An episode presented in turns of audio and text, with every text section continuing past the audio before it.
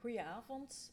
Vandaag ben ik te gast bij Motmans en Partners. Ehm, het is 12 van de avond en we zitten samen met Geert Motmans aan tafel. Geert heeft net een flesje lekkere wijn opengetrokken. En bij een goed glas wijn gaan we, ga ik Geert beter leren kennen. Eh, ik ken Geert wel via de netwerken waar ik al geweest ben, maar ik ken jou helemaal niet persoonlijk. Uh, dus ik ga er vandaag veel meer over te weten komen. In ieder geval heel erg bedankt dat je aan deze podcast uh, wil meewerken en dat je een beetje van jezelf wil blootgeven. Uh, ik ben, denk dat er nog meer mensen heel erg nieuwsgierig gaan zijn naar jouw verhaal. Oké, ik uh, kijk er ook naar uit. Het is, we zijn gezellig begonnen, dus ja, we, ja, laten we dan het vervolg van de avond ook zomaar verder zetten. Maar verder zetten, inderdaad. Geert, ik weet echt heel weinig van je, dus kan je jezelf misschien heel eventjes voorstellen van waar het je komt, uh, wat je gestudeerd hebt en hoe je, geraakt bent tot waar dat je nu vandaag zit? Ja, ik ben geboren en getogen in Rijkel. Ik ben 55 ondertussen, ik ben van 1965. Ja. En Rijkel is een uh, klein dorpje in, uh, in Borgloon, waar uh, ik op een boerderij ben geboren en getogen. En ik heb ondertussen ook die boerderij verbouwd, de schuur, uh, waar ik op mijn zestiende al van zei van later ooit woon ik hier in de stallen. En dat is effectief nu zo. Uh, dus ja, dat is allemaal verbouwd en uh, heel leuk op de buiten. Ja. in de velden. En daar hou ik ook wel van. Ik ben ja. iemand die zijn roots hier heeft in, in en daar ben ik ook wel fier op. Ja. ja. Ja, ik ben altijd nogal sociaal bewogen geweest vroeger in de Giro en Casa, van alles, sportbewegingen. En, en destijds zei onze pastoor tegen mijn moeder: Heer, dat moet een sociaal assistent worden. en ik ben uiteindelijk ook uh, maatschappelijk werk gaan doen, maar wel al heel snel had ik door dat ik niet in dat zeer maatschappelijke uh, watertje wilde zwemmen, maar het, het, personeelswerk, wat daar een van de studiekeuzes was, daar was ik meteen door getriggerd. -huh. En dat is eigenlijk vanaf mijn, mijn studies eigenlijk al een interessedomein geweest waar ik tot op vandaag nog altijd in actief ben. Uh, ik heb dan die studies afgemaakt, uh, personeelswerk, dan uh, stage gelopen op Gastensberg in Leuven. Ja. En een dag dat ik mijn uh, uitslag... Ook in de HR-afdeling ja, daar? Ja. ja, op personeelszaken, als stafmedewerker van de personeelsdirecteur daar. En de dag dat ik mijn proclamatie had, stond hij aan de deur en die zegt, Geert, wilt je morgen starten? Ik heb al drie jaar een open mandaat dat ik nooit heb ingevuld en ik zou graag hebben dat jij dat komt doen. Oh, leuk is dat. Ik zeg, mag ik dat niet overmorgen? Want het is vijf vanavond. En die zegt, nee, zegt hij morgen. Ik zeg, oké, ik zal er zijn. Dus ik denk dat ik een van de weinige studenten ben die de dag na het diploma aan ja. de slag was. Uh, heel eventjes tussen haakjes, ben je gaan vieren? Ik ben absoluut gaan vieren. Oké, okay, toch. Dat ik heb dan niet overgeslagen. Ik heb, uh, nee, nee, uh, nee, nee, ik pak graag de opportuniteiten in het leven. Ja. Uh, en dat heb ik toen ook gedaan. Ik denk dat het een heel korte nacht was. Maar ja. ik was wel blij dat ik dag één werk had. Hè. Ik moest mijn legerdienst nog doen, dus dan had ik ook de voordelen van de gelijkstelling en zo. Veel, veel als eerste werkgever, heel leuke ervaring, veel geleerd. maar ik merkte wel al heel snel dat ik niet het type persoon was om in zo'n grote, logge organisatie met veel verdiepingen, letterlijk en figuurlijk, ja. uh, te werken. En toen kwam de stagebegeleider met een, een, nieuwe stagiair van de school langs en ik zeg, Karel, ik zoek iets anders. En die wist dat er bij Kumpen een vacature was, omdat de uh, fusie Kumpen, Keramo, heel de groep, ja. Die ging ontdubbelen, omdat Keramo verkocht werd aan Wienerberger. Ja. En Camille Spaper, de toenmalige personeelsdirecteur, hè, toch duizend man in de groep. Ik ja. denk dat de groep toen uh, een van de top vijf bedrijven in Limburg was, met een duizend mensen. Die, uh, die had gekozen om mee te gaan naar Keramo. Ja. En dus zochten ze voor Kumpen iemand nieuw. Ja. En Karel zegt, je bent wel jong met een stagebegeleider. Ik was toen 25. Hè, en die zegt, maar je kunt niet proberen, zegt hij, ik denk dat je daar wel zou passen. Ja. Dus ik mijn stoute schoenen aangetrokken en gesolliciteerd. In de advertentie stond 35 jaar, 8 jaar ervaring, eh, richting personeelsbeleid. Ik was 25, ik had 1 jaar ervaring en ik had een bachelor. En uh, goed, uh, ben gaan solliciteren, s'avonds om 8 uur en met drie directieleden. En ik kreeg telefoon dat, het, uh, dat ik een tweede ronde mocht doen met Paul Kumpen zelf. Toen oh, werd ik wel even nerveus. Hè, en, ik ben dan met Paul op gesprek geweest. Een heel lang, eh, fijn gesprek ook. En eh, ik kreeg toen een week later telefoon. Geert, we vonden je allemaal top, maar je bent nog jong. Hè? En Ja. we willen toch nog verder kijken of we niemand vinden die wat ouder is om die rol te doen. Ik weet niet hoe het in mij op is gekomen, maar ik zei op dat moment van, dat is heel goed, alle begrip, maar binnen drie weken is het kerstmis. En ik wil niet in februari horen dat je niemand beter vond dan dat ik dan toch mag beginnen, want dan heb ik er ook geen zin meer in. Dus ik wil voor kerstmis weten waaraan ik ben. Ja. En eh, ja, grote mond misschien, maar op dat moment voelde ik dat zo. En ik had zoiets van, ja, ik ga niet eh, als, als, eh, als pasmunt in de wachtrij staan. Maar ik kreeg een week later te- telefoon van, het is in orde, je mag beginnen. Zeker. En ja, toen ben ik wel even gaan zitten van, oeh, dat wordt een serieuze challenge. Ik had nog niks van dichtbij gezien. Kumpen had 500 mensen, ik geloof vijf of zes paritaire comité's. Geen sociaal secretariaat, hè. alle lonen nog in eigen beheer, Oh, ja. eh, de sociale zekerheid uitrekenen. Ja, ik heb verschrikkelijk veel geleerd, ik vond het super boeiend. Ik had drie mensen Ja. daar die binnen het jaar op pensioen gingen. Ja. En ik Serieus? werd plots hun baas, als notaap van 25. Maar dat heeft heel goed gegaan. Eh, ik heb ook niet echt opgesteld als ik ben hier nu de grote man, want ik wist dat ik alles moest leren. Eh, en die hebben mij echt goed geholpen. Ik heb heel veel vragen gesteld, probeer te begrijpen waarom ze dingen zo doen. Ja. In plaats van direct gaan veroordelen van eh, die schrijven hun lijsten drie keer over, hè, dat kan toch veel sneller. Eh, maar wel begrijpen waarom dat ze dat deden, wat de bedoeling was. hè. En ja, als mensen met een vraag kwamen, dan zei ik, ik heb even geen tijd, kom straks om vier uur. En ondertussen zocht ik dat allemaal op. Ja, en dan kon ik om vier uur doen alsof ik het allemaal wist. En ik wist het dan ook wel, want ik had het moeten opzoeken. Dus ja, eh, Je als- hebt daar de stil eh, geleerd. ik heb daar dus stil geleerd, ja. Maar je bent niet vandaar, zet je niet met Motmans en Partners begonnen, Nee, hè? nee, ik heb elf jaar heb ik bij Kumpen gewerkt. Ja? Eh, Met heel veel plezier trouwens. Ik ben daar echt, echt waar, dat meen ik oprecht. Ik ben daar elke dag met plezier naartoe gereden. Ik heb Ja? ik heb Nooit het gevoel gehad van nu moet ik gaan werken. Nooit een maand nooit, gevoel gehad. nooit, nooit. Maar ik moet heel eerlijk zeggen dat ik dat tot vandaag ook nog nooit heb gehad. Hmm. Ik, ik ga graag werken, dat is een deel van mijn leven. En ik zie dat niet als een opgave. Maar ik heb bij Kumpen me echt... Ik heb veel kansen gekregen, ik heb veel mogen doen. Ik ben ook na een jaar al mee in de, in de algemene directie gekomen als, als jonge gast. Ehm, echt heel tof, veel kansen gekregen. En eh, echt, ik voelde me lid van de familie, maar ook letterlijk en figuurlijk. Ja. Ja, veel vertrouwen gekregen, wat ook wel deugd doet als een ondernemer als Paul Kumpen, maar ook Johan Sijsses en eh, algemeen directeur en, en Jan Kumpen. Die mannen die een vertrouwen uitspreken en u kansen geven, dat, is, eh, Ja, dat is leuk, hè? Dat is- ja, dat is geeft echt- een boost. dat geeft u energie en, en Ja. zelfzekerheid. En je gaat eigenlijk heel vroeg in uw carrière al heel veel dingen leren die iemand anders pas tien jaar later leert. Dat is waar. En zeker als je tussen die mannen kunt zitten, hè, op al die directievergaderingen. Ehm, ik heb daar ook wel geleerd dat de HR mee aan de beslissingstafel zittende veel meer impact krijgt in een organisatie dan als dat een staffunctie is die ergens in een hoekje zit om de lonen te doen. Hè. Ja, ja. Want je hoort de visie van het bedrijf, je hoort waarom beslissingen genomen worden. En als mensen komen klagen of op bepaalde dingen niet zien, dan kun jij de lange termijn schetsen. Dan kun je Ja. de bigger picture brengen en zeggen, kijk, dat is waar we naartoe willen en dat is waarom we nu dit beslissen en waarom we dat zo doen. En dan snappen mensen het ook veel beter. Dus ik, heb daar heel, eh, ik ben daar ook heel dankbaar voor dat ik dat mocht doen. ja, maar dan toch de vraag, waarom dan na elf jaar nog? Want Ja. er is nog een tussenstap geweest. Ja, ik ben eh, eigenlijk gebeld. Ik was toen op dat moment was ik secretaris bij VOCA, bij de Club van Personeelschefs. En ik was voorzitter van de Club van Personeelsdirecteurs bij VKW hetzelfde jaar. Eh, dus ik kende heel Limburg, heel HR-landschap Limburg, Ja. als collega's onder elkaar. Ja, En we hadden toen een eh, spreker, de COO van Hudson, in de werkgroep. ja. En die heeft mij nadien gebeld en die zegt, zeg, eh, ik, ik, heb, ik zou je eens willen zien, want in Limburg hebben wij eh, iemand nodig om vullen." ons kantoor eh, te trekken. ja. En eh, ik zie je dat echt wel doen. En ik heb toen gezegd, nee, nee, ik zit graag bij Kump, ik zit mee in de raad van bestuur. Eh, ehm, ik, dat, is, dat is waar ik ben gestart.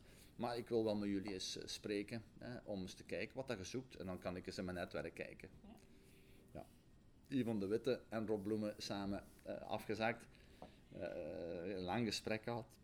En dan merk je van, ja, dit begint toch wel te kriebelen. Hè, van de uitdaging, ik had wel het gevoel bij Kumpen van, als er iets gebeurt, dan wist ik van, ik ga dat oplossen. Ik weet al hoe het gaat lopen. Hè. Nu gaat dit gebeuren, nu gaan die mensen ambetant worden, dan moet ik dat uitleggen en dan, gaan we dat zo doen. En uiteindelijk kwam dat ook allemaal goed. Maar ik had, ik had wat het gevoel na elf jaar van dat routine werd. Ja. Dus het nadeel van jong te starten, je hebt dan eigenlijk heel veel gezien en geleerd. En op een bepaald moment komt je op een punt dat je het gevoel hebt van, ik leer niet meer echt veel. Hè. Het, is, het, is, het is boeiend, maar, maar, maar toch. En dan heb ik eigenlijk op twee weken, waar ik eerst zei, nee, nee, ik ben uh, loyaal aan Kump, ik ga hier niet weg, hè, heb ik mij de afweging gemaakt van, ik ben pas 35, uh, 35 toen zeker, hè? Wacht, ja. Hè? ja, zoiets, 5, 35. 36. Ik dacht, Als als, ik nu... Ja, ja, dat ja. klopt. Eh, ik dacht, als ik nu blijf, dan ga ik een grote K van Kumpen op mijn voorhoofd hebben en dan ga ik hier nooit meer wegraken. Ja. En, en het kriebelde ook om die nieuwe wortels vast te pakken. Ik heb op twee weken tijd eigenlijk mijn knop gedraaid. En dan ben ik bij Hudson gestart, heb ik een eh, jaar Hasselt geleid. Ja. Dan heb ik eh, Antwerpen erbij gekregen en ben ik ook in het Nationaal Directiecomité gekomen. Ja. Eh, totaal vijf jaar Hudson. Ook weer heel veel geleerd. Goede, goede firma, goede mensen ook die daar werken. Heel veel know-how aanwezig. Tot ik tot eh, de conclusie kwam na vijf jaar van ik heb hier het netwerk en ik heb de kennis en ik, ik heb de passie en de drive. Waarom zou ik niet voor mezelf gaan? Mhm. En dan ben ik met Van Avermaat gaan spreken. Ja? Help mij eens een financieel plan maken en ik wil kiezen, ga ik alleen beginnen of ga ik me ergens inkopen? En Van Avermaat kwam met de vraag van, kom naar ons. Onze klanten hebben ook HR nodig en die, die willen wij ook ontzorgen. En eh wij willen een bredere dienstengroep worden. En dan heb ik eigenlijk die beslissing genomen, heb ik mij ingekocht bij Van Avermaat, ben ik daar Ja? vernoot geworden. En dan zijn wij gestart onder eh, Motmans Van Avermaat, omdat de, Dat is juist. de buitenwereld kende Van Avermaat als een, financieel huis. Hè? Ja. En, en Motmans als een HR-speler. En dan hebben ze de specialisten communicatiekantoren ons aangeraden om Motmans van Avermaat als werknaam te nemen. Het huis van vertrouwen dat Van Avermaat toch is. Ja. Hè, samen met de Motmans eh, associatie met HR. En dan hebben we binnen Van Havermaat, eh, ben ik dan op mezelf gestart, als ik dat zo mag zeggen. Dan binnen de groep van Venoten, hè, met HR, blanco tafel. Heel alleen. Eh, bij Van Havermaat was er geen HR. Dus van bij Hudson 250 man met een harde schijf van hier tot in Tokio met materiaal op, moesten we bij Van Havermaat eigenlijk nul, van nul beginnen. En twee weken nadat ik ben gestart, is Liesbeth erbij gekomen, Liesbeth van der. Rijt. Ja. Die zat in mijn team bij Hudson. Die is dan naar het OPZ in Geel en later naar Sint-Rutus ziekenhuis gegaan.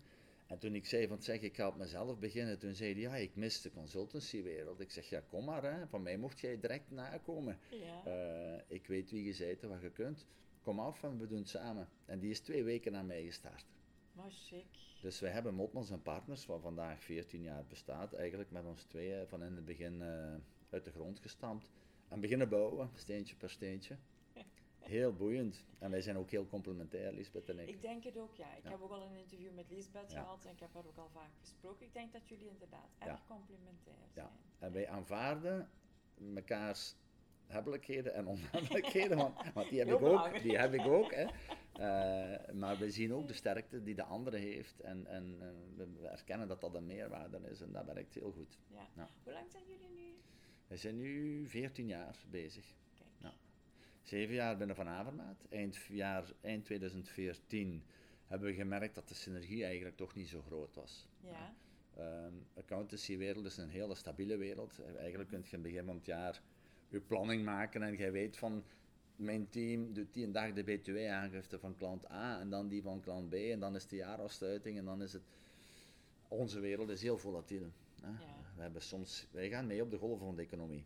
ja, dat geloof ik heel graag. En dat was toch een beetje wennen ook eh, qua, qua business inzichten, qua ehm, het voorspellen van, van omzetten en resultaten. En de synergie was klein. Hè. Een, een, een accountant is niet echt thuis in de HR-wereld en die durft het HR-gebeuren ook niet echt eh, aanprijzen bij de klant, omdat die, ja, als die meer vragen gaat krijgen of dieper gaat doorvragen, dat niet meer beheerst en die speelt eerder safe van het is mijn klant, ik soigneer die goed en ik wil die lang verankerd hebben. Ja. En dan een HR-man, die gaat niet aan een klant zeggen, zeg, is het je tevreden van uw boekhouder? Want wij doen dat ook. Hè. Dat, dat, dat is niet wat een klant van een HR-speler verwacht. Ja. Dus de synergie was beperkt. En dan hebben wij in alle vriendschap eind 14 gezegd van, wij wilden ook liever buiten Limburg kijken, hè, waar Van Avermaat toch eerder, niet uit Zuiden, maar eerder de, de, de nummer 1 is in Limburg. Hè, Ja. Zeker qua aantal mensen, 200 man vandaag in Limburg. Ja. Eh, de nummer 2 had geen hè? 100, denk ik. Dus, ehm, maar dat was een andere visie. Ik wilde net wel de regio Limburg overstijgen. En dan hebben wij in alle vriendschap gezegd van kijk, we koppelen los. Ik heb mijn aandelen bij Van Avermaat verkocht. En Ja. ik heb Motmans losgekocht. En, eh, en wij zijn in alle vriendschap uit elkaar gegaan. Dus vanaf januari 15 is het Motmans en Partners. En zijn wij 100% autonoom en, en doen wij ons goesting.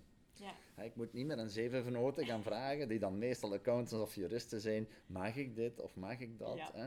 Eh, wij doen gewoon. En wij bekijken elkaar. En als wij voelen dat dat iets is dat kan marcheren, dan, dan, dan demareren wij. hè. En Ja. dat heeft toch ook ge- geleid dat we op ja, vijf jaar tijd, nog niet, hè? Ja, begin 15, ja, toch wel ondertussen, de tijd gaat Ja. snel, hè? eh, dat we op een goede vijf jaar tijd van 10 naar 30 mensen zijn doorgegroeid. Hè? En, en, ook, Mooi, hè? en ook meer kantoren hebben.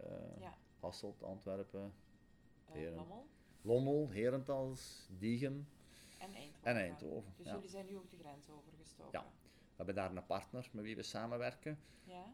maar die heeft daar een beter netwerk. We hebben een aantal klanten die over de grens ook plans hebben en die ons vroegen van, wilt je daar ook niet ons mensen zoeken? En als je die goed wilt servicen, dan moet je eh, ook daar je kandidatennetwerk hebben. Ja. Dus we zijn met een partij die we kenden al, waar we al langer mee werkten, eh nauwer gaan samenwerken. En alles wat zij in Vlaanderen moeten zoeken, Ja. dat, dat doen wij voor hen. En Ja. alles wat wij voor onze klanten in Nederland moeten gaan zoeken, doen zij voor ons. Oké. Ja. Zo ook een partner in Wallonië. Hè, dat, we, dat is toch ook een andere wereld dan Vlaanderen. Ik denk het wel, ja. Ja. Maar ik, ik ben niet voldoende thuis in HR om daar een echte Mhm. standvaste mening over te hebben, omdat ik het ook niet weet. Maar ik kan me er wel iets bij voorstellen, dat Ja. wel. Ja. Kijk, je moet, als matchmaker moet jij je, je klantennetwerk hebben natuurlijk, hè, Ja. maar ook je kandidatennetwerk. En Ik denk het, de combinatie van die twee, zeker als je in HR is, is, Is een noodzaak. Ja. Ja. ja, Ja. klopt. Zeker weten. Ja. Nu, eh, buit, je hebt natuurlijk het algemeen beleid dat je voert samen met Lisbeth en uitzet. Maar ik geloof dat er, voor zover dat ik juist ben ingefluisterd, je houdt je ook nog binnen Moltmans en Partners specifiek met iets bezig. Hè? Eh, Lisbeth heeft me verteld dat je ontzettend veel weet over hoe je generaties met elkaar verbindt. Ja. Ik moet misschien nog één aanvulling doen. Ja. Ehm, als ik de historiek van Motmans breng, is het toch nog een belangrijke mijlpaal. Ehm, wij zijn in 15 dan autonoom gaan werken. ja? Maar eh, drie jaar geleden is ook Erik Kolemons eh, bij ons toegetreden. Mm. Erik was bij een concurrerende Ja. collega, zal ik maar zeggen. Ja? Maar een gewaardeerde collega. Erik heeft ook altijd de ethiek hoog in het vaandel gedragen.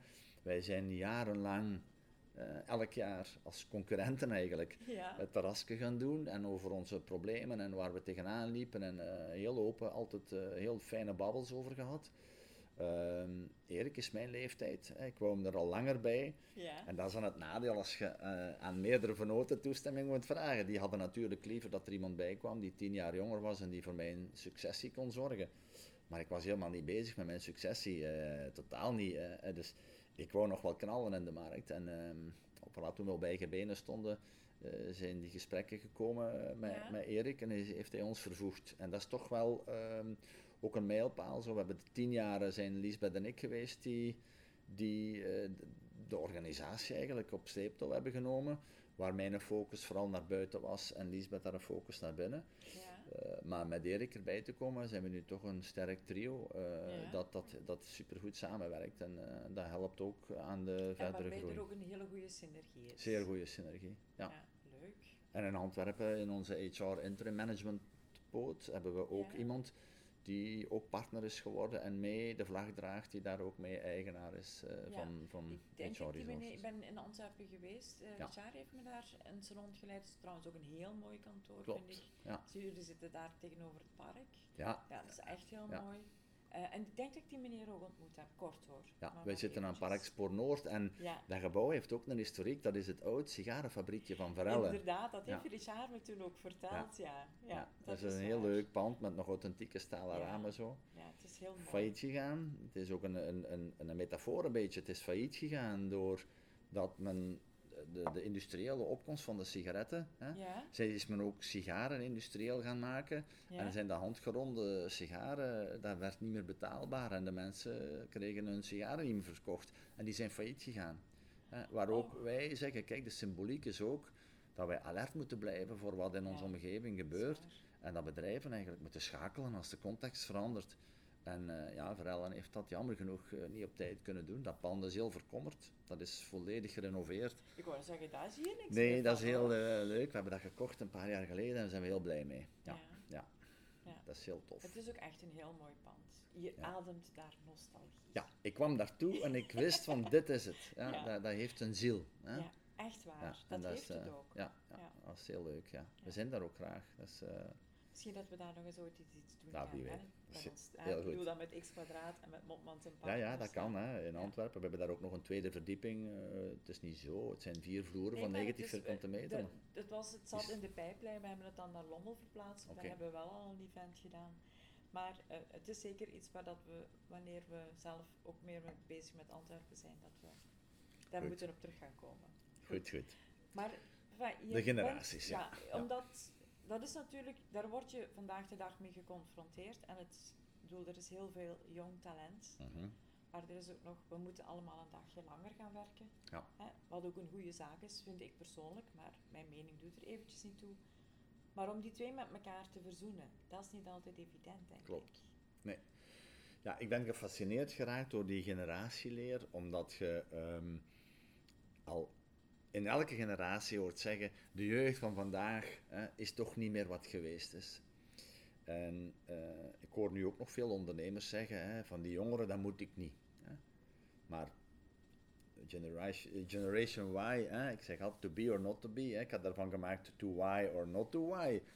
In 25, 2025 is 75% van de wereldbevolking, arbeidsbevolking wereldwijd, Ja? is Generation Y.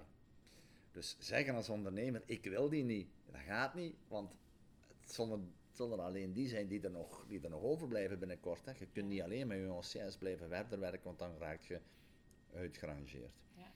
En 3000 voor Christus hebben ze al grafschriften gevonden waarin stond dat de jeugd niet meer was wat geweest is. Hè. En onze oma zei dat. En mijn ouders, niet. ja, dat is echt zo. En mijn ouders zeiden dat. En eh, ik hoop dat ik het nooit ga zeggen. Maar ik vrees dat ik het ook ooit ga zeggen, maar ik hoop van niet. Eh, maar het, het klopt ook dat de jeugd niet meer is wat dat de andere generatie was. Maar ik vind dat, dat de fout die gemaakt wordt, is dat we daar een kwalitatieve connotatie aan maken. Ik denk net dat je door diversiteit in je organisatie veel sterker wordt. Hè. Eh, eh, X kwadraat voor gendergelijkwaardigheid. Maar als je wilt eh, diversificatie in je, in je medewerkerspotentieel bouwen, kun je ook over nationaliteiten gaan spreken. Hè, of, of over geloof, overtuiging. En ik geloof dat je ook met eh, generaties een, een Ja. differentiatie kunt brengen in uw medewerkers eh, samenstelling die u als bedrijf geen windeieren zal leggen. Ja. En dat moeten we wel dat moeten we goed voor ogen houden dat dat, Ja. dat, dat belangrijk is. En vertrekken jullie dan vanuit een soort van lesgeving of gaan jullie meer in een consultancyrol gaan kruipen of zijn jullie de, vormen jullie de brug? Mhm. Of wat Ik denk dat een overtuiging daarin is. als Motmans en Partners? Ten eerste is de overtuiging dat dat waardevol is. Ja? De generatieleer, heel kort samengevat. Hè. Ik wil hier niet eh, gaan, gaan eh, belerend overkomen of zo. Maar dat is overgewaaid vanuit Amerika. Ik ben een paar jaar geleden nog eh, aan de Universiteit van Nijrode een, een vijfdaagse gaan bijvolgen over de generatieleer. en die zegt eigenlijk dat mensen opgroeien in een periode dat ze van alles meemaken. Ja? Die periode wat, en wat ze meemaken bepaalt hun levensstijl. En die levensstijl bepaalt het gedrag op de werkvloer. Dus als je terug gaat kijken naar wat is er gebeurd in die jaren, de babyboomers van vandaag, die zijn grootgebracht in eh, work hard, play hard. Hè? Dus je werd keihard gewerkt. En als je tijd over had, ging je nog een pint drinken. En als je dan nog tijd over had, dan waren je thuis bij je vrouw. Hè? Ja. En dat was zo. Zo dat was werken, werken, werken. En, en dat was een stukje leven om te werken. Waar jongeren zeggen, hola, ik ga werken om te leven. Hè. Ik wil en een toffe job. En ik wil mijn vrouw aandacht geven of mijn man. Ja? Ik wil voor mijn kinderen zorgen. Ik wil met mijn vrienden kunnen omgaan. Ik wil twee hobby's en ik wil dit. Ze willen alles nu. Hè. En op zich vind ik dat wel een goede bewuste keuze. Want de vraag is, Ze zijn niet meer gelijk de babyboomers, maar is dat slechter. Hè?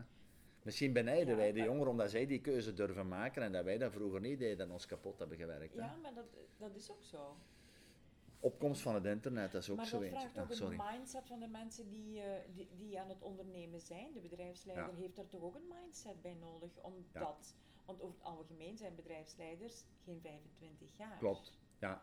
En dan, dan is het wel een beetje onze missie hè, geworden, enfin mijn missie geworden, maar ook, ook die van Motmans en Partners, om onze klant te overtuigen dat niet iedereen redeneert zoals de klant redeneert. Hè. Ja, Als ik vroeger bij Kumpen een sollicitatie had en die vroeg in het eerste gesprek hoeveel kan ik verdienen en hoeveel verlofdagen heb, heb ik, dan was die eigenlijk al afgevoerd. Want dat was not done om dat in uw eerste gesprek te vragen. Ja, dat is zo. ja dat klopt. Dat weet ik zelf ook nog. En vandaag de dag vind ik dat een evidentie dat, je, dat mensen dat vragen. Want dat is toch inherent als je ergens gaat, Ja. hè, dat je weet van wat ga ik hier verdienen en hoeveel verlof. Die kwalitatieve elementen spelen vandaag veel meer een belang bij, bij jongeren. En die zijn assertiever dan wij destijds. En die vragen dat gewoon. Ja, zijn op een andere manier grootgebracht misschien Klopt. dan wij. Wij hebben ze gemaakt, hè. Ja. Wij, hebben de, wij hebben de digi-generatie, of de generation... klopt. Wij Wij hebben vroeger tegen onze kinderen gezegd, je moet niet zomaar alles van iedereen aanvaarden. Je moet je, je een vraag stellen waarom. Hè. Eh, en, en het is niet omdat iemand dat zegt dat dat zo is, dus je moet kritisch zijn. En dat is ook waarom dat dat Generation Y noemt. Hè. Ja. Dat komt van why, waarom. Ja. En wij hebben hun geleerd ja, om, die, vragen te stellen. En nu doen ze het en nu vinden ze het vervelend. hè.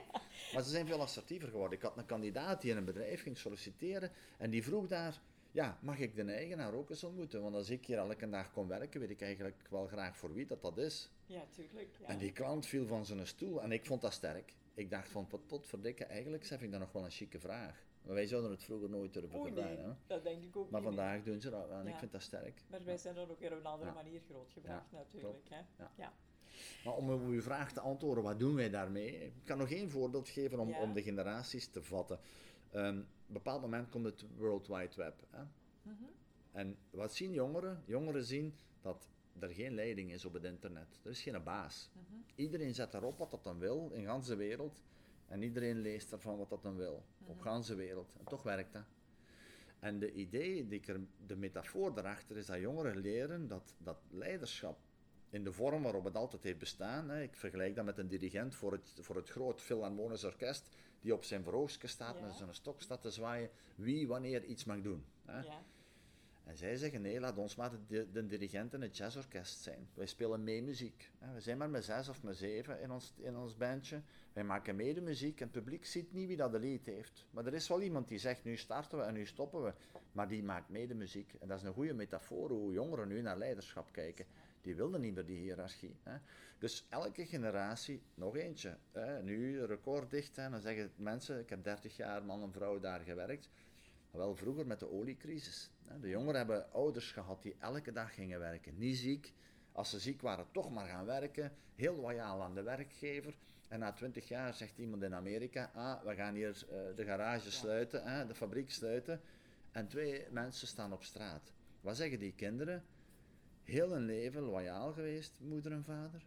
Heel een leven gaan werken, met ziek, kop en koorts, altijd gaan werken. En nu wordt daar gelijk een knipperlichtje in Amerika aan een knopje gedraaid en mijn ouders staan op straat. Dus wat zeggen die? Ik ga loyaal zijn aan mijn competenties, maar niet meer aan een eh, werkgever of aan ene patroon. Ik wil leren. En als ik niet meer kan leren bij mijn werkgever, ben ik weg. Zit je echt wel op je goede plaats, hè? want dat is een van jouw steekpaardjes. Ja. Allee, in het begin, jij begon op je 25 en dan toch na 11 jaar zegt Ja, klopt, dat is waar. het gevoel niet meer hebben van. Ja, ik, eh, ik, had het, ik ben daar wel zeer goed ontvangen bij Kump. Ik heb enorm veel kansen gehad. En dat is misschien ook nog een leuke anekdote. Ik wilde eigenlijk niet weg, omdat ik vond van... Ja, de familie Kumpen geeft mij zo'n kans op zo'n leeftijd. Ik denk dat ik de jongste personeelsdirecteur in Limburg was. Eh, zeker van 500 man. En, en dan denk ik, ik kan dat toch niet in de steek laten. En Ja. mijn broer heeft toen gezegd, Geert, heb jij iets betekend in die 11 jaar voor Kump? Ik zeg, ja, dat denk ik wel. Hè? Maar wel zegt hem, jij hebt iets betekend en je zit ervoor betaald. Hè? En, en Ja, je, je bent niet schatplichtig. Hè? Ja. En eerlijk, ik keek op de payroll als personeelsdirecteur. Ik had gezegd tegen Paul, hij vroeg wat wilt jij verdienen? Ik zeg, ja, wat ik, wat ik kan, wat op vandaag heb ik op Gastenberg, het was toen 65.000 frank. Hè? En ik zei, als ik 70.000 frank krijg, dan is het goed, dan kan ik met een aft van Leuven, want ik woonde toen in Leuven, hè? dan kan ik met een aft van Leuven naar Hassel betalen. En die zegt, dat is goed. Hè? En ik was blij. En toen zag ik de perel. Hè? Toen was ik een van de laagst bedienden van heel het bedrijf. Uh, maar ik heb daar niks van gezegd. Ik vind Nee. ook dat je op dat moment in HR je rol niet mocht misbruiken. Het is niet omdat je toegang hebt tot de lonen dat je dan plots moet gaan zeggen: hey, Ja. Maar ik moet zeggen, hij heeft uit zichzelf elk jaar, mij, ook het jaar nadien, meteen eh, gecorrigeerd. En eh, Ja. dat was een beetje de game. Enfin, eh, dan moet je niet in het verleden blijven spreken. Nee, maar wij nee, geloven wel dat de wel- generaties het- het maakt- waardevol zijn. Het, het maakt toch ook, ja, Geert, maar het maakt ook een groot deel uit van wie dat je vandaag bent als mens. Zeker. Dat, dat ben je toch voor een groot stuk. Ja. Ik voel dat gewoon aan je verhaal. Je bent daar voor een groot stuk gevormd. Ja. In een positieve zin. Klopt. Ja. Paul is recent gestopt als eh, Ja. voorzitter van VOCA Nationaal. Ja. Ik heb hem toen gezegd, ik zou eens graag met u willen gaan eten, want jij hebt destijds in mij geloofd hè, en mij kansen gegeven die mij gemaakt hebben tot wat ik vandaag ben en, en wat ik doe. Ja. En we hebben dat gedaan. Ik had binnen een halve, behalve een dag had ik vier datums dat hij kon, of vier data dat hij kon. En we zijn samen, hebben een lunch gehad. Heel fijn eh, gebabbeld en dan was het tof, ja. ja, ja. Ja, dat is- was heel leuk. Ja. Goed, eh, nu, jullie spelen natuurlijk als bedrijf een heel belangrijke rol in het HR-beleid van veel Mhm. andere bedrijven. Ehm, is het moeilijk om, wat, eh, zoals men dat zegt, to practice what you preach Ja. intern? Ja, absoluut. Eh, het is altijd gemakkelijker om aan de zijlijn uit te leggen hoe het werkt en hoe, hoe, hoe men iets moet doen, Ja. dan het in de praktijk zelf te moeten doen. Dat, is, dat is zo. Dat, is een, dat geldt overal. Eh, maar we proberen dat uiteraard wel.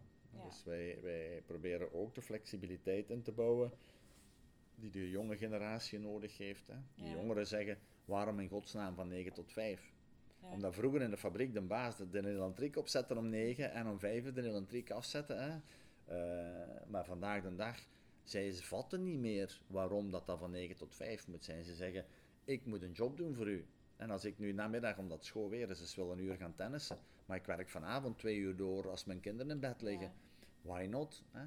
En dat is wel iets waar dat wij onze klanten proberen van te overtuigen, dat we toch nog KMO's zien waar dat men van 8 tot 5 moet werken. Ja. Dat we zeggen, let op, vandaag zijn beide partners aan het werk. Hè. Vroeger was het hoofdzakelijk de mannen die gingen werken en de vrouwen aan de haard. Dat is wel heel vroeger. Hè. Ja. Maar vandaag de dag zijn, zijn beide eh, partners heel vaak aan het werk.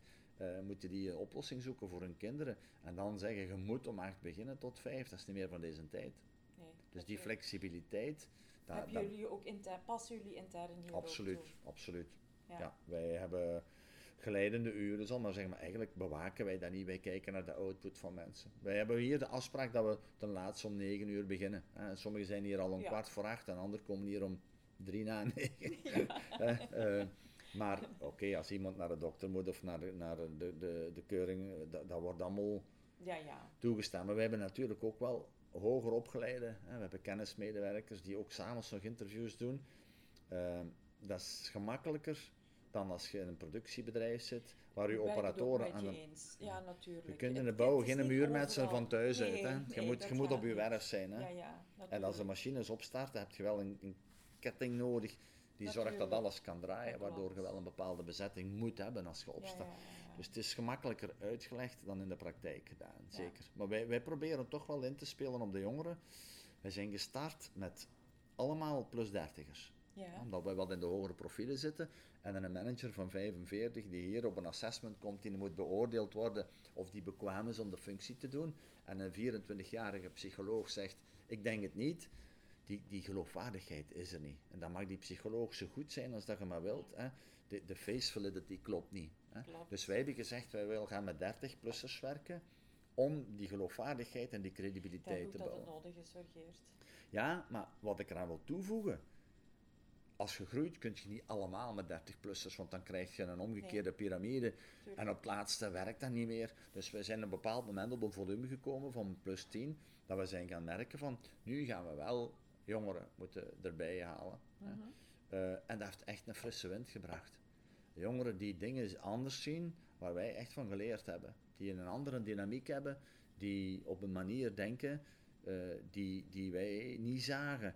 Eh, en als je een, een, een kleurrijke jonge muis, hè, Ja. tussen tien grijze muizen stopt, hè, na een half jaar is dat ook een grijze. Hè. Maar als je die, die kleurrijke jonge muis toelaat om kleurrijk te zijn, Ja. en je ziet dat dat niet is van ik ben hier de ancien en ik weet wel hoe het is en ik zal het u eens zeggen. Hè. Ja. Maar dat je luistert naar de creatieve ideeën van die jongeren en probeert u in te leven wat dat die bedoelen, maar niet met het beeld dat wij hebben, maar, maar, maar begrijpen dat zij een ander beeld hebben dat misschien ook wel klopt. En je brengt die twee samen, die twee generaties samen, en je laat die op een gelijkwaardige manier. Mhm. En ook hier, het gelijkwaardige is er heel belangrijk. Niet het belerende van ik ben ouder en ik heb hier meer rationaliteit en ik weet wel hoe het hier gaat, maar echt de creativiteit, de innovatiekracht van een jongere koppelen aan de rust en de ervaring en de, de, het relativeringsvermogen van een ancien. En zet dat samen op een gelijkwaardige manier en je krijgt het, dat knalt. Hè. ja, dat knalt ook. Maar dat, dat, dat proberen wij aan de bedrijven mee te geven. Die metafoor van de muis die net gebruikte doet me denken aan een boek eh, dat Ronnie Leten, eh, dat eigenlijk al heel heel lang bestaat, maar ik heb het pas vorig jaar gelezen, Who Moved My Cheese. Mm. Ja, echt waar. Het is zo'n dun boekje, maar het leest gelijk een trein. Je en kunt dat filmpje met die, ja, Daar is een filmpje van. ja, schitterend Fantastisch, is dat. fantastisch, Ja, ja. ik vind dat ook. Ja. Ja. dat je nu die metafoor met de muis Wij gebruikt. zijn tien jaar, eh, eh, tien jaar, we zijn een paar jaar geleden met, met tien ondernemers naar Lapland gegaan. Dat hadden wij Ja. bij Motmans een partners georganiseerd onder leiding van Walter Gijs. Dat is eh, een hele goede coach waarmee we heel veel samenwerken. En we zijn daarmee naar Lapland getrokken en die had dat filmpje ook, Who Moved My Cheese. Ja. En dat gaf echt zo eh, bij alle deelnemers zoiets van, oké jongens, ja, we moeten toch even ook eens aan de andere kant gaan staan. Hè? Ja, Ja, want Ja. wij zitten nu tegenover elkaar aan het tafeltje. Als ik hier een 6 op mijn blad teken, ziet jij een 9. Hè? ja. En als jij blijft zitten waar je zit, gaat jij de 9 blijven zien en ik zie de 6. En we hebben allebei gelijk, maar we gaan wel een uur discussiëren of de 9 of een 6 is. Als je gewoon eens aan de andere kant gaat zitten, dan Het is zie je het. Hè? En Ja. dat, is eigenlijk dezelfde uitdaging met, met jongeren. Eh, als je die hun eh, krachten benut, ook technologie. ja. We moeten eerlijk zijn, je krijgt een PC of je moet een nieuw softwarepakket. Wij denken als babyboomer, wat gaat er gebeuren als ik op dat knopje druk? Zou ik wel drukken, want als ik iets doe wat niet, wat niet mag, zit ik verkeerd. Ja, het. hè? Ik Ja. herken het zo, Ik ja. denk dat veel in dit herkennen. Wat doen jongeren? Die drukken gewoon. En die zien wel wat er gebeurt en die lossen het op. Hè. Toen mijn zoon acht jaar was, zat hij op mijn pc in mijn living een spelletje te spelen. Ik zeg, Toon, wat zit je aan het doen? Buh, zegt hij. Een spelletje aan het spelen? Ik zeg, ja, dat zie ik. Hoe zit je daarop gekomen? Ja, dat weet ik niet. Hè.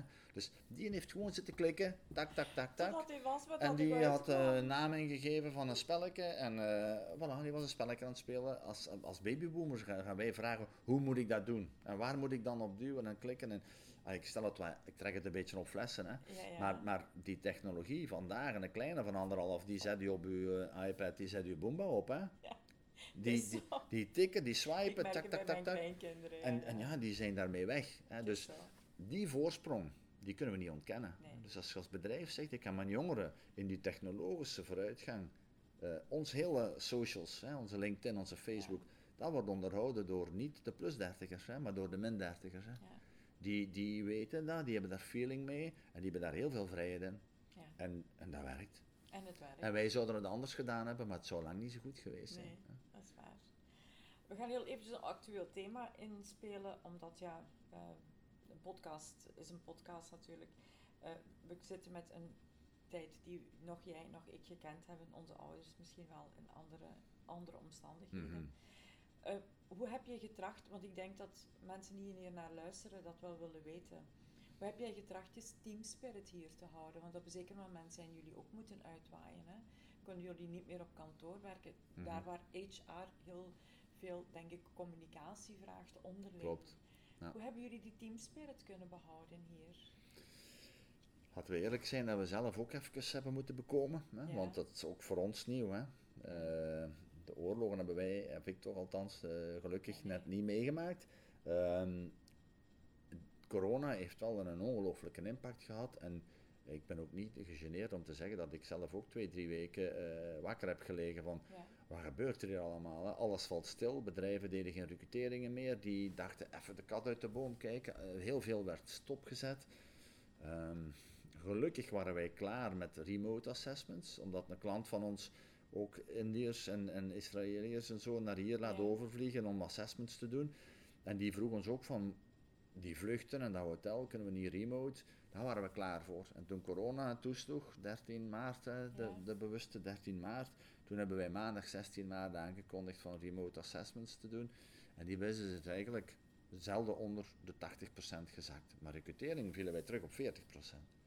Dus eh, het heeft toch wel wat eh, Impact gehad. nachtjes gehad. Maar hoe dat deed je dat dan met je mensen? Ja. Hoe hield je die communicatie? Ah, wel, eh, durven toegeven eh, dat je het zelf niet weet. Ik denk dat je als leider ook Ja. moet durven je zwaktes tonen. Hè. Je bent geen ubermens. Hè. En veel, veel leiders, zal ik maar zeggen, of bazen, hè, er is nog een groot verschil tussen, die, die durven die kwetsbaarheid niet tonen. En ik denk dat wel dat iets is wat, wat ik altijd gedaan heb en wat de mensen ook appreciëren, door heel open te zijn. Door te vertellen van daar lopen we tegenaan, dat is de situatie, dat worden onze uitdagingen. Natuurlijk wel met hoop op de toekomst, hè, dat je ook aangeeft hoe je denkt te gaan oplossen. Maar je moet niet, de, de mensen voelen toch dat er een zorg is. De mensen voelen ook dat je bedrukt bent of dat je plots eh, vaak met de, met de partners samen zit te vergaderen. Dus als je niks zegt, gaan zij het voor u zeggen. Zij gaan dingen bedenken waarom dat allemaal samen zit en dan gaan er indianenverhalen komen. Dus mijn eerste advies is transparantie. Mhm. Transparantie naar uw mensen. Zeggen van, oei, dat is een probleem. We zijn solidair in werkloosheid gegaan. Ja. Gelukkig dat dat in Vlaanderen kan. Ja. Ik denk voor heel veel bedrijven. Klopt. Want we mogen kritiek hebben. En sommige kritiek is ook zeer terecht op hoe alles hier afgehandeld en behandeld is. Maar doe het maar, het is allemaal nieuw. Hè. Dat Maar we mogen wel ons handjes samen doen dat werkloosheid kan. Hè. Ja. Ook bij Motmans en Partners, zonder werkloosheid hadden wij een zeer groot probleem. Hè. Een zeer Want je groot probleem. waarschijnlijk sowieso uiteindelijk mensen moeten ontslaan. Zonder twijfel. Ja, maar dat je ze nu niet hebt hoeven te ontslaan in de Wij werkelijke hebben- zin van het woord. We hebben niemand ontslaan. We hebben solidair gekozen voor het werkloosheidsprincipe. Dat wil zeggen dat we die spreiding goed bewaard hebben. We Ja. zijn naar een norm gaan zoeken van wanneer mag iemand één dag of twee dagen. Dus dat is ook een belangrijke tip. Naast transparantie is dat je consequent bent en coherent bent in de afspraken. Ja, En het is, men kijkt altijd naar de andere. En men zegt, waarom mag die drie dagen werken en ik maar twee? Waarom moet ik twee dagen per week doppen en die drie? Hè? ja, En dan hebben wij getracht naar een norm te zoeken van, oké, eh, als een consultant eh, search of, of interviews moet doen, hoeveel opdrachten kan die gemiddeld per week? Hoeveel opdrachten kunnen we die vandaag geven? En hoe gaan we dat dan uitdrukken in halve dagen of dagen? Ja, Hè? ja. Een assessment is duidelijk. Een assessment, dat is een ganse dag. Als er een assessment is, is er een assessment en dan moet die consultant hier de ganse dag zijn. Als er geen assessment is, moet die er niet zijn. Hè? Ja. Dus wij zijn naar een norm gaan zoeken, die wij ook gecommuniceerd hebben. Waarvan we gezegd hebben, die is niet heel juist, maar die hanteren we wel voor iedereen. Want die is in de meeste gevallen gemiddeld gezien is die juist. ja, Dus een objectivering van uw besluiten vonden wij ook belangrijk.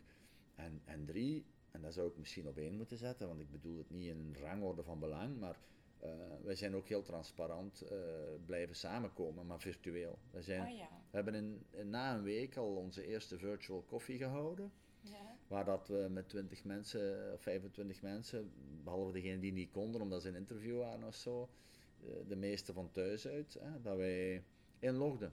En wij deden onze ronde. Hoe is het met u? En was het geen toen? Ah, ik ben beginnen te joggen en ik eh, ben beginnen te koken. En, en ik zit hier veel alleen, want mijn ouders zijn ziek, ik kan daar niet naartoe. Dus alle leed eigenlijk en alle zorgen, eh, maar ook alle kansen die mensen benutten vanuit die periode, werd daar besproken en gedeeld. En dan hebben wij telkens onze visie gegeven. Daar zijn we aan het Eh, we zijn ons aan het wapenen. We zijn, die maatregelen hebben we eh, Ja. ingeroepen om onze liquiditeit eh, in orde te houden of te spreiden. We zijn die acties aan het nemen, eh, dat we remote assessments hebben opgestart, of dat we nu ook interviews eh, remote kunnen doen met kandidaten, waardoor we wel verder kunnen werken. Ja. We zijn die communicatie aan het opstarten met Dus klanten. die transparantie heeft jullie eigenlijk over... Ja. Ja. Ja. We zijn er nog niet helemaal, maar laten we zeggen dat het geholpen heeft om het mee, het team, Ja. de teamspirit erin Ja. te houden. We hebben wel... jullie samen eens even nu aan teambuilding gaan doen op dit Nee. ogenblik. Hè? Dat deden we wel. We doen wel tamelijk veel. Hè? Ik zeg we deden, want vandaag mag het niet meer. Ehm, we hadden wel jaarlijks verschillende momenten met de ploeg samen. Ook Sinterklaasfeest met partneren, met de kinderen. En een zomerbarbecue met de partners eh, en de kinderen. Maar ook regelmatig met het team eh, uitstappen. Maar dat gaat niet meer natuurlijk. Hè? Ja. Wat we wel gemerkt hebben, is dat die online meetings na een tijd hun effect beginnen te verliezen. Ja, maar ik merk dat bij mezelf ook hoor. Ik heb ook Mhm. zoiets zo van, ik wil terug mensen live gaan zien. Klopt. Huidhonger noemen ze dat. hè? Echt waar. Ja. Ja, wij kunnen nog ook de handen niet schudden, maar toch een gesprek van mens tot mens. Totaal anders. Dat, zonder dat scherm erbij. is echt heel anders. Eh, de nuance die, wij, allee, die ik voor mezelf eh, leg is als je een praktische meeting wilt waarin een aantal afspraken moeten gedeeld worden en waarbij je kunt zeggen op een half uur of een uur hè, zijn we erdoor, dat kan. Maar niemand heeft zin om een workshop van vier uur plots online te volgen. Hè, want dat is Nee, vier uur op je waar. stoel zitten, daar word je crazy van. Hè. Echt wel. En daar da, daar komen ze ook allemaal van terug. Hè. Iedereen is omgeslagen in de beginfase naar alles digitaal. En nu merk je dat mensen dat echt beu worden. Ja. Wij hebben 8 juni gezegd, iedereen terug op kantoor. ja. Iedereen terug. Hè. De- We zorgen wel voor de nodige wij, distance. al, alles. Ze hebben allemaal een, een overlevingspakket gekregen. Hè. Voor iedereen een, een, een papieren zak met, met, ik denk, ik weet niet meer, uh, Lisbeth heeft dat geregeld, ik denk 50 maskers, eh, 30 paar handschoenen. eh, Ja. We hebben overal gel staan. We hebben hier ontsmettingsdoekjes om de tafels te kuisen. We hebben tussen elke bureau minstens 2, 3 meter. Hè. Ja. Dus het kon volledig veilig. En in het begin was er wat weerstand, want mensen zijn bang geworden. Die zitten twee maanden op een appartement, sommige mensen alleen. Hè. Sommigen bij ons hebben geen partner, die zitten daar wel eh, alleen op een appartement. Hè. eh, Te vereenzamen, sorry dat ik dat zo zeg, Maar dat is is zo. zo. En, en die moesten, we hebben gezegd, terug naar hier, eh, want wij voelen dat een aantal mensen aan het deconnecteren zijn en ook wij. Dus we willen elkaar zien. En de eerste twee dagen kregen we wel eens vragen van ja, de ramen gaan hier niet open, is dat hier wel goed verlucht? En, eh, maar twee dagen nadien was iedereen opgelucht van het is eigenlijk fijn, we kunnen terug gewoon werken en we leren terug van elkaar. Het was nodig. Het was voor iedereen nodig. Ja, Denk ik dat, het weer wat, wat, dat we daarin meer wat, wat ruimte krijgen. Ja. Goed, we gaan het natuurlijk ook heel eventjes hebben over eh gendergelijkwaardigheid, want dat is dan Ja. weer ons stokpaardje. ja. Eh, wat ik heel graag van jou wil weten is, ehm, wanneer je het woord gendergelijkwaardig hoort, mhm. wat roept dat bij jou op? In eerste instantie, niet heel eventjes ervan uitgaan van het juiste antwoord geven, maar in eerlijkheid, wat roept dat op? Eh, ik, eh, het roept op dat we naar iets streven dat, dat misschien niet zo evident is om te bereiken. Ja? Omdat ik denk, gelijkwaardigheid klopt, gelijkaardigheid klopt niet. En Nee. mannen en vrouwen zijn gelukkig, gelukkig ook verschillend. Ja, ja. Eh. Maar ah, persoonlijk vind ik wel dat eh, gelijkwaardigheid een, een streven is waar we waar het niet zo ethisch zijn om het in vraag te stellen. Hè. Ik vind het een absolute must. Ik, ook daar geloof ik, net zoals ik daar geloof in de generaties, dat je een goede diversificatie hebt in je samenstelling, ja. dat je ook dat met gender Ja. moet hebben. Hè. Waar wij vooral tegenaan boksen, hè, Geert, is dat wanneer wij eh, praten met mannen, hè, en dat bedoel ik echt niet pejoratief, versta me alsjeblieft niet verkeerd, dat het lijkt alsof wij enkel alleen maar bezig zijn om vrouwen te helpen die inhaalbeweging te doen. Mhm. Voor alle duidelijkheid, dat is wel ook wat we willen doen. Maar voordat we aan dit gesprek begonnen, heb ik het ook al eventjes aangehaald. We willen graag die absolute balans vinden. Mhm. Want we gaan maar tot een balans komen wanneer we het hem zelf verspreiden. Ja. Zijn er dingen waarvan jij zegt dat we zouden best zouden aanpakken om de mannen mee op onze kaart te krijgen? In het denken dat we dit niet doen voor vrouwen, want telkens wanneer ik het woord gebruik, heb ik heel vaak het gevoel dat men denkt dat wij vanuit dat systeem alleen maar met vrouwen bezig zijn, wat Ja. dus niet is. Nee, ik denk dat dat de eerste tip is die ik zou geven. Het niet laten lijken alsof het een feministenclubje is eh, die voor eh, de, de gelijkwaardigheid van de vrouw gaan strijden vanuit een, vanuit een eh, ondergedrukte Underdog, rol. Voilà, ja. ja. dat is wat je moet vermijden. Ik denk wat helpt is de, de positieve impact van gendergelijkwaardigheid belichten. Ja. En de mannen voelen dat ook. Hè. Ik heb hier tien jaar een bureau gehad eh, met, met, met tien vrouwen en ik. Het, was, het was een voorrecht, hè. Maar nu moet, ik, nu moet ik mij aanpassen met verschillende mannen hier op kantoor ondertussen. Ja, Eh, ja. Maar eh, dat was fantastisch werken. Eh, en, en ook vandaag, Lisbeth heeft als managing director de, de, de interne lead van het kantoor. Hè. Alhoewel ze ook heel wat werk naar buiten uit doet, maar ze heeft wel de lead. En Erik en ik hebben onze focus naar de markt. eh, en dat werkt super complementair. ik denk dat, eh, dat je vanuit de aanpak van, van x kwadraat de, de, de mogelijkheden moet eh, belichten. Ja. En niet, niet de bedreigingen telkens moet gaan formuleren. Ja. Ehm, kun, je mij, kun je ons een tip geven hoe dat we de obstakels, want jullie zitten hier met drie in het management, daarvan is 30% kunnen daar of keer wat je wil, is vrouw. Hè? Het is al tien jaar 50-50 geweest. ja, die- ja, ja, Hè? maar ik wil maar zeggen, maar een- met alle respect Geert, in de meeste bedrijven is het niet 30%. Nee, klopt. Dan heb je tips die kunnen leiden waar dat bedrijven die er nog niet aan toe zijn, zouden kunnen. Je sprak daar straks, en dat vond ik wel een hele boeiende, over dat, die glijdende werkuren. Mhm. Is dat een van de dingen wa- wat daartoe zou kunnen leiden dat we ook die vrouwen in dat managementteam krijgen? Of is er nog wat anders waar je jezelf aan denkt van, Het is een realiteit dat vandaag de dag vrouwen nog, nog gemakkelijker met de opvoeding en de zorg voor de kinderen bezig zijn dan de mannen. Hè? ja, Alhoewel daar ook geen enkele aanleiding toe is. Hè? Dat is ook iets dat maatschappelijk bepaald is, geleerd als kind al, Ja. hè, dat de mama voor de kinderen zorgt en de papa niet. Maar eigenlijk zou dat perfect omgekeerd kunnen. Maar het zit Ja. in onze, in onze opvoeding, in onze, opvoeding patronen, in, in alles wat er al Door de zoveel... eeuwen ja, heen. door de eeuwen heen. Dat zit er zo ingebakken dat als je er dat wilt uitkrijgen, dan, dan gaat het niet op, op, op één generatie kunnen. nee, hè. Dat Sowieso ik ook niet. Die Dat- ambitie heb ik ook niet. Nee, dat kan niet. Absoluut Maar het bewustzijn brengen eh, dat het anders kan. En uiteraard zullen geleidende werkuren helpen eh, om die flexibiliteit in te bouwen. Maar ook, Ja. voor, ook voor mannen. Want mannen zouden ook kunnen zeggen: Ik ga de kinderen naar de crash brengen en ik ga dan werken. En als die daardoor om kwart voor negen mogen toekomen. Dus ik vind dat zelfs geen debat man-vrouw. Want de man kan even goed de kinderen. Voor de, voor een man zijn de geleidende werkuren even belangrijk Ja. als voor een vrouw. Daar zijn wij, denk ik, allee, daar zijn jij en ik het sowieso over eens. Dat is zoiets waarvan we zoiets hebben, zo van, laat het sociaal ook toe binnen het bedrijf, Ja. denk ik dan. Weet je wat voor veel bedrijven de rem is op die glijdende werkuur? Alhoewel, ik denk dat er vandaag de dag nog weinig zijn die het niet doen. Hè, omdat je Mhm. voelt dat je dat niet kunt houden. Hè. De, de roep vanuit de medewerkers is veel te groot om een stuk flexibiliteit te hebben. Omdat het anders ook privé niet te organiseren is met twee werkenden. Maar men wil altijd voor iedereen gelijkheid. Ja. Dat is een nobel principe.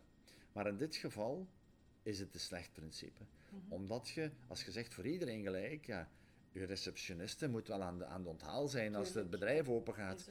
Je kunt niet zeggen, zit maar thuis, hè, want als de mensen toekomen, is daar niemand. hè. dat gaat niet. Hè. En uw metser zal aan de muur moeten gaan metsen. Ja, klopt. Maar voor sommige functies kan dat perfect. En je gaat eigenlijk uw, uw regels en uw flexibiliteit beknotten doordat je voor iedereen gelijk wilt doen.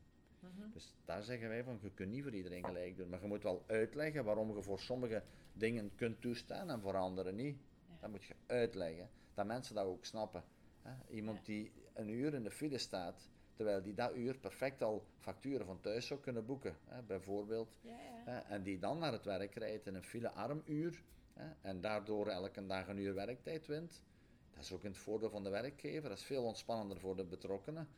En degene die toch om acht uur moet daar zijn, ja, die moet dat dan maar begrijpen. En dan moet je uitleggen. Waarom is het nodig is. Ja. Het hoort bij de job.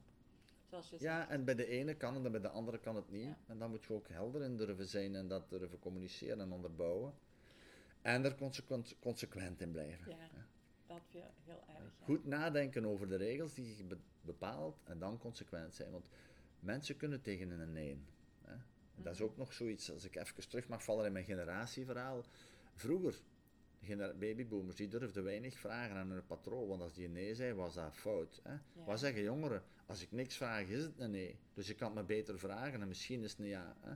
Maar als het dan een nee is en die wordt onderbouwd en die wordt, uit, die wordt consequent toegepast, ook de anderen. Hè. Als Ja. ik ga zeggen, mag ik een brek als firma wagen in plaats van de berline?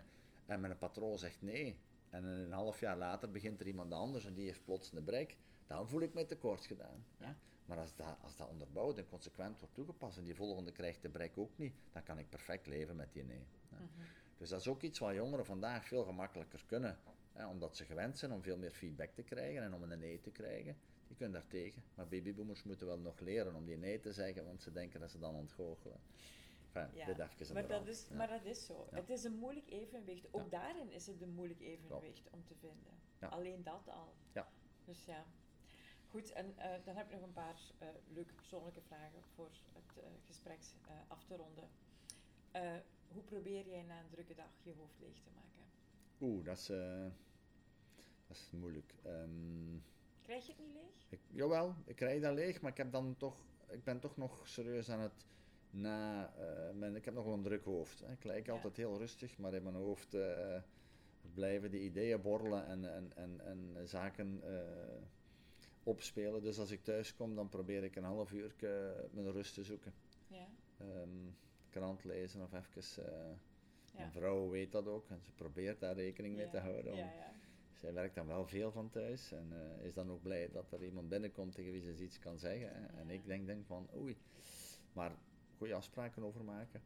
Ehm, en voor de rest, eh, ja. Je woont nu wel op de buiten, dus je komt daar sowieso al voor een stukje tot rust. ja, en je zit 20 minuten in de auto eer je thuis bent, als het meevalt. Eh, dus dat helpt ook wel even om alles te laten decanteren van de dag. Voor een stukje. Ja, ja. Ja. Ehm, en voor de rest is gaan wandelen of... ehm, Ja. Er is eigenlijk niet zo heel veel vrije tijd vandaag waarvan ik zeg van... eh, weet niet welke mee moet aanvangen. Ja, ja, die heb ik niet. Dat probleem heb ik niet. ik ben heel vaak s'avonds ook. eh, we zitten, een paar raden van advies. eh, ik zit in de ledenwerking bij de VOCA en de VKW. Ehm, ja, dan zijn nu avonden gauw gevuld. Een workshop klopt, hier, ja. eh, Ja. klantenevenement daar, jaarvergadering, receptie. Ja, er is altijd wel, de avonden zijn goed gevuld. Dus het zijn vooral de weekends die, die de rust brengen. Mhm. Eh, je vertelde over een zoon. Heb je meerdere kinderen? Ja, ik heb, ehm, als we dan toch privé en open spreken, Ja. kan ik u wel een primeur geven. Ik heb twee super fijne zonen, Ja? 24 en 21, twee Ja. jongens, eh, uit mijn eerste huwelijk. Ja? Ik ben eh, twee jaar, goed twee jaar geleden opnieuw gehuwd. Ja? En eh, ik ga terug vader worden. Maar op, hoe mijn, mooi is dat? op mijn 55ste. En het, zal een, het waar? en het zal een dochter zijn. Ja. Oh, geweldig. Dus dat is, eh, dat is wel een beslissing waar ik even op heb gekouwd van... Wil ik dat nog? ben doen? 55, maar mijn vrouw is jonger dan mij. Ja. En eh, ja, die kinderwens is eigenlijk na het huwelijk gekomen. Ja. de- en, en ja. Ja, je ziet haar te graag om het haar niet te gunnen. ja, maar ik wil het zelf ook. Ik heb echt... eh, Ik denk dat het een heel andere beleving gaat ja, zijn. men voor zegt je. dat wel, ja. Ik heb nog een paar collega-ondernemers die op eh, eh, rijpere leeftijd, zal ik dan maar zeggen, Aan het nog- vaderschap nog, vader zijn geworden. En die zeggen, ja. dit is het schoonste cadeau die je kunt krijgen. Je zit in een andere levensfase, je gaat meer tijd kunnen maken, je gaat er anders mee omgaan, eh, met, met meer rust dan vroeger. Dus ik kijk daar eh, enorm naar uit eigenlijk. ja. Oké. En mijn jongens zijn er ook eh, blij om, dus dat is ook wel tof. Dat is ja, misschien Ja. toch wel belangrijk, want uiteindelijk Absoluut. maken zij deel uit van het plusgeheel. Dat hè. was mijn grootste zorg. hè. Hoe Dat gaan, hoe geloof gaan, ik ook. hoe Heb gaan je het eerst met hen over de... Nee, Ja. nee, dat Nee, nee, ik heb niet de boodschap, ik heb niet de toestemming gevraagd. Nee, dat vond ik niet. maar natuurlijk zijn zij wel de allereerste die het geweten Ge- hebben. ja. hè. Maar de reactie was heel positief. Ja, ja, verrast wel. eh, ze waren erg verrast. eh, Ja, ze krijgen nu een zusje erbij. maar ook, ook Oeh. mooi, mooi. En eh, Ja. ja. Er zijn al babysitplannen en zo. Dus Ik, dat komt oh, allemaal maar, goed. maar heerlijk, ja. ja, ja, Die gaan dus, dat zusje gaat het dan niet gemakkelijk hebben aan die geliefde geraken, want dan gaan dus twee oudere broers permanent toezicht Ja. houden. Nou ja, en, en niet alleen de broers, denk ik. vrees. Nee, dat zou wel en men zegt dat een, een vader toch wel wat betuttelender is naar een dochter dan naar een zoon. We zullen zien. Kijken Had je vroeger tijd genoeg voor de kinderen, of was het te druk? Wel, ik heb dat wel eh, altijd geprobeerd. Mijn, mijn eh, vorige echtgenote, die was nachtverpleegster. Ja? Dus dat maakt dat ik één week op twee fulltime Ah, ja. papa en mama was. Hè. Ja. Ja, want s'nachts was zij Ah, werken natuurlijk, en, en één weekend op twee sliep zij overdag. En was ik eigenlijk, had ik de volledige zorgen van ons Ja. zonen. Met eh, de papjes en de fruitpapjes en de groentepapjes en de Ja. pampertjes. hè. Ja, ja. Maar dat maakt wel dat ik een fijne band heb met mijn jongens. Ja, dat snap ik ook Ja, wel. die hebben die Misschien zorg. ook wel een les om mee te nemen. Klopt. Als je het hebt over gelijkwaardigheid. Ja? Ik heb als vader tegen de gewoonte in, hè, door het beroep van mijn, mijn ex-vrouw, heb ik eigenlijk ook die rol deeltijds opgenomen. Hè, halftijds eigenlijk. En ik moet zeggen dat de band met mijn jongens, en ik denk dat dat daaraan ligt, omdat ik ook die zorg altijd heb gehad. En ja, dat is toch een andere relatie die je krijgt. Hè. eh, Denk het wel, en ja. eh, dat, dat heeft toch een band gecreëerd. Ook die- iets heel belangrijk om mee te nemen in het verhaal, vind Ja. ik dan. en die zijn ook heel open tegen mij over dingen, kunnen over de zaken praten. Dus het is heel tof. Ah, leuk. Ja. Ja. Ehm, ik heb nog de, de, mijn twee laatste vragen zijn, eh, en ik denk dat op één is al een beetje het antwoord gegeven. Je bent door het feit dat je sowieso al met de scouts zat en de KSA en whatever, ehm, dat sociale, eigenlijk heb je voor een stukje die kinderdroom waargemaakt of toch niet? Had, had je vroeger zoiets van, ik wou eigenlijk totaal anders worden? Sommige man, jongetjes zeggen van, ik wil brandweerman worden, of ik wil dit worden, of profvoetballer, of whatever. Nu, als ik zo'n echt een zotte gedachte had, dan wou ik de truckchauffeur zijn. Om, ja, omdat je dan een maand op de weg bent en rust hebt, want dan zit je in je cabine en, en je rijdt en voor de rest heb je geen zorgen. Hè. Ja. Ehm, eh, nee, als ik nu mijn rust zoek, ga ik koken. Ik kook heel graag. Is het waar? Ja, ik kook heel graag. En eh, dat is vroeger zo ons gezegd van, uh, Geert gaat kok worden omdat ik als klein manneke al thuis hielp in de keuken. En, en ik ben samen met mijn vader ooit kookles voor mannen gaan volgen. Ik was toen 12, denk ik. Hij heeft nooit nog gekookt, maar ik wel. En als ze, als ze bezoek hebben of zo, dan sta ik aan het vuur. Van A tot Z. Ja. En dat is mijn dag, dat is echt een mindfulness. Hè. Ik, kan, ik ben bezig op voorhand, wat ga ik maken? Ik kan mijn inkopen rustig doen. En dan kan ik ook heel lang in de winkel uh, rondlopen, zien wat er allemaal is. En dan kom ik thuis, dan begin ik daar aan te, dan ben ik echt met dat gerecht bezig, heel de dag koken. Ik vind dat heel ontspannend. Ja. ja, ja. Maar om, of ik mijn kinderdroom heb waargemaakt, nee, nee, dat kan ik niet zeggen. Ik ben gaan studeren, uh, ik zeg het, maatschappelijk werk. En ik voelde al heel snel van, dat is niet, niet zakelijk genoeg voor mij. Maar in dat personeelswerk heb ik het wel direct met een draai gevonden. En eigenlijk is dat vanaf dag één, vanaf mijn studie tot vandaag, de rode draad in mijn loopbaan. Ja. En ik, ik, zie niet, ik zie niks anders. Dat is wel iets wat mij boeit. Mensen boeien mij. Uh, en, en het beste uit mensen halen is ook een van mijn passies. Ik kan genieten als ik mijn jonge mensen die hier binnenkomen, als ik zie waar die drie jaar later staan. Hè, hoe, dat die, hoe dat die, zowel als mens als professioneel evolueren, vind ik zalig. Ah. Dat, dat, dat is iets, als je zegt, wat bent u? Dan is dat eigenlijk een van mijn grootste mijn team. Hè, ik ook wel een beetje soms, ik noem dat soms familie. Ehm, en dat weten ze ook. Ja, Je zit ganse dagen met elkaar. Je ziet eigenlijk je collega's meer, meer dan je familie Dan zelf. familie. Maar ik, ben daar wel aan gehecht. En ook de personen achter, de, de mens achter die medewerker, dat boeit mij wel. En als Ja. ik dan mensen zie groeien en zie leren, en, eh, ja, dat geeft mij wel energie. Dus zou ik iets anders willen gedaan hebben? Nee. Was dat op voorhand mijn jeugddroom? Ook niet. Ik ben Mhm. daarin gerold, maar dat was precies waar ik moest rollen. En eh, ik, eh, ik vind het nog elke dag boeiend. Zalig. Ja. En dan mijn allerlaatste vraag, eentje daarvan, dat weet ik al, ehm, daar weet ik het antwoord al op. Ehm, ik, eh, op jouw bucketlist zal sowieso staan dat jouw, gezond, jouw dochter gezond ter wereld Ja, komt. absoluut. Dat kan niet anders. Ja. Maar is er nog zoiets anders dat op jouw bucketlist staat? Ik wou eigenlijk altijd veel van de wereld zien. Ja. Ik heb gelukkig al veel van de wereld gezien. Ik heb namelijk wat kunnen reizen eh, in, in mijn leven. Dat is ook wel een van mijn passies. Zo andere culturen ontdekken en de, de smell of the place eh, van andere landen en culturen opsnuiven. Eh, maar dat is ook weer mensen. Hè? Dat is weer Ja. dat is zo de rode draad in, in wat mij boeit. En nu is mijn, mijn, wat nu op mijn bucketlist staat, is zo lang mogelijk gezond blijven. ja. Dat ik eh, nog lang bij mijn, eh, bij mijn jongere vrouw kan zijn. eh, en En, je, voor mijn drie kinderen. Ja, voor mijn drie kinderen. Ja, ja, ja, maar zeker ook dat je je jonge dochter Ja, nog ziet openbloeien. Ja, ja, dat kan en dat, dat hij voorstellen. niet het gevoel heeft dat ze met bompa op stap is, maar nog altijd een dynamische papa die, die jong van geest blijft. Dat is, dat is wel mijn ambitie. ja, oké. Ja. Dat vind ik een hele mooie afsluiting van dit gesprek. voilà, dat is goed. Oké, heel, heel erg bedankt Geert dat je me ontvangen hebt. Ehm, ik, het heeft mij geboeid van A tot Z. En ik dat denk leuk. dat het voor de mensen die straks gaan luisteren, het net zo'n boeiend gesprek of net zo'n boeiend moment zal worden. Ja, ze zeggen altijd, je bent een goede babbelaar eh, als ik één keer vertrokken ben. Dat is zonder Dus, eh, twijfel het geval. Absoluut.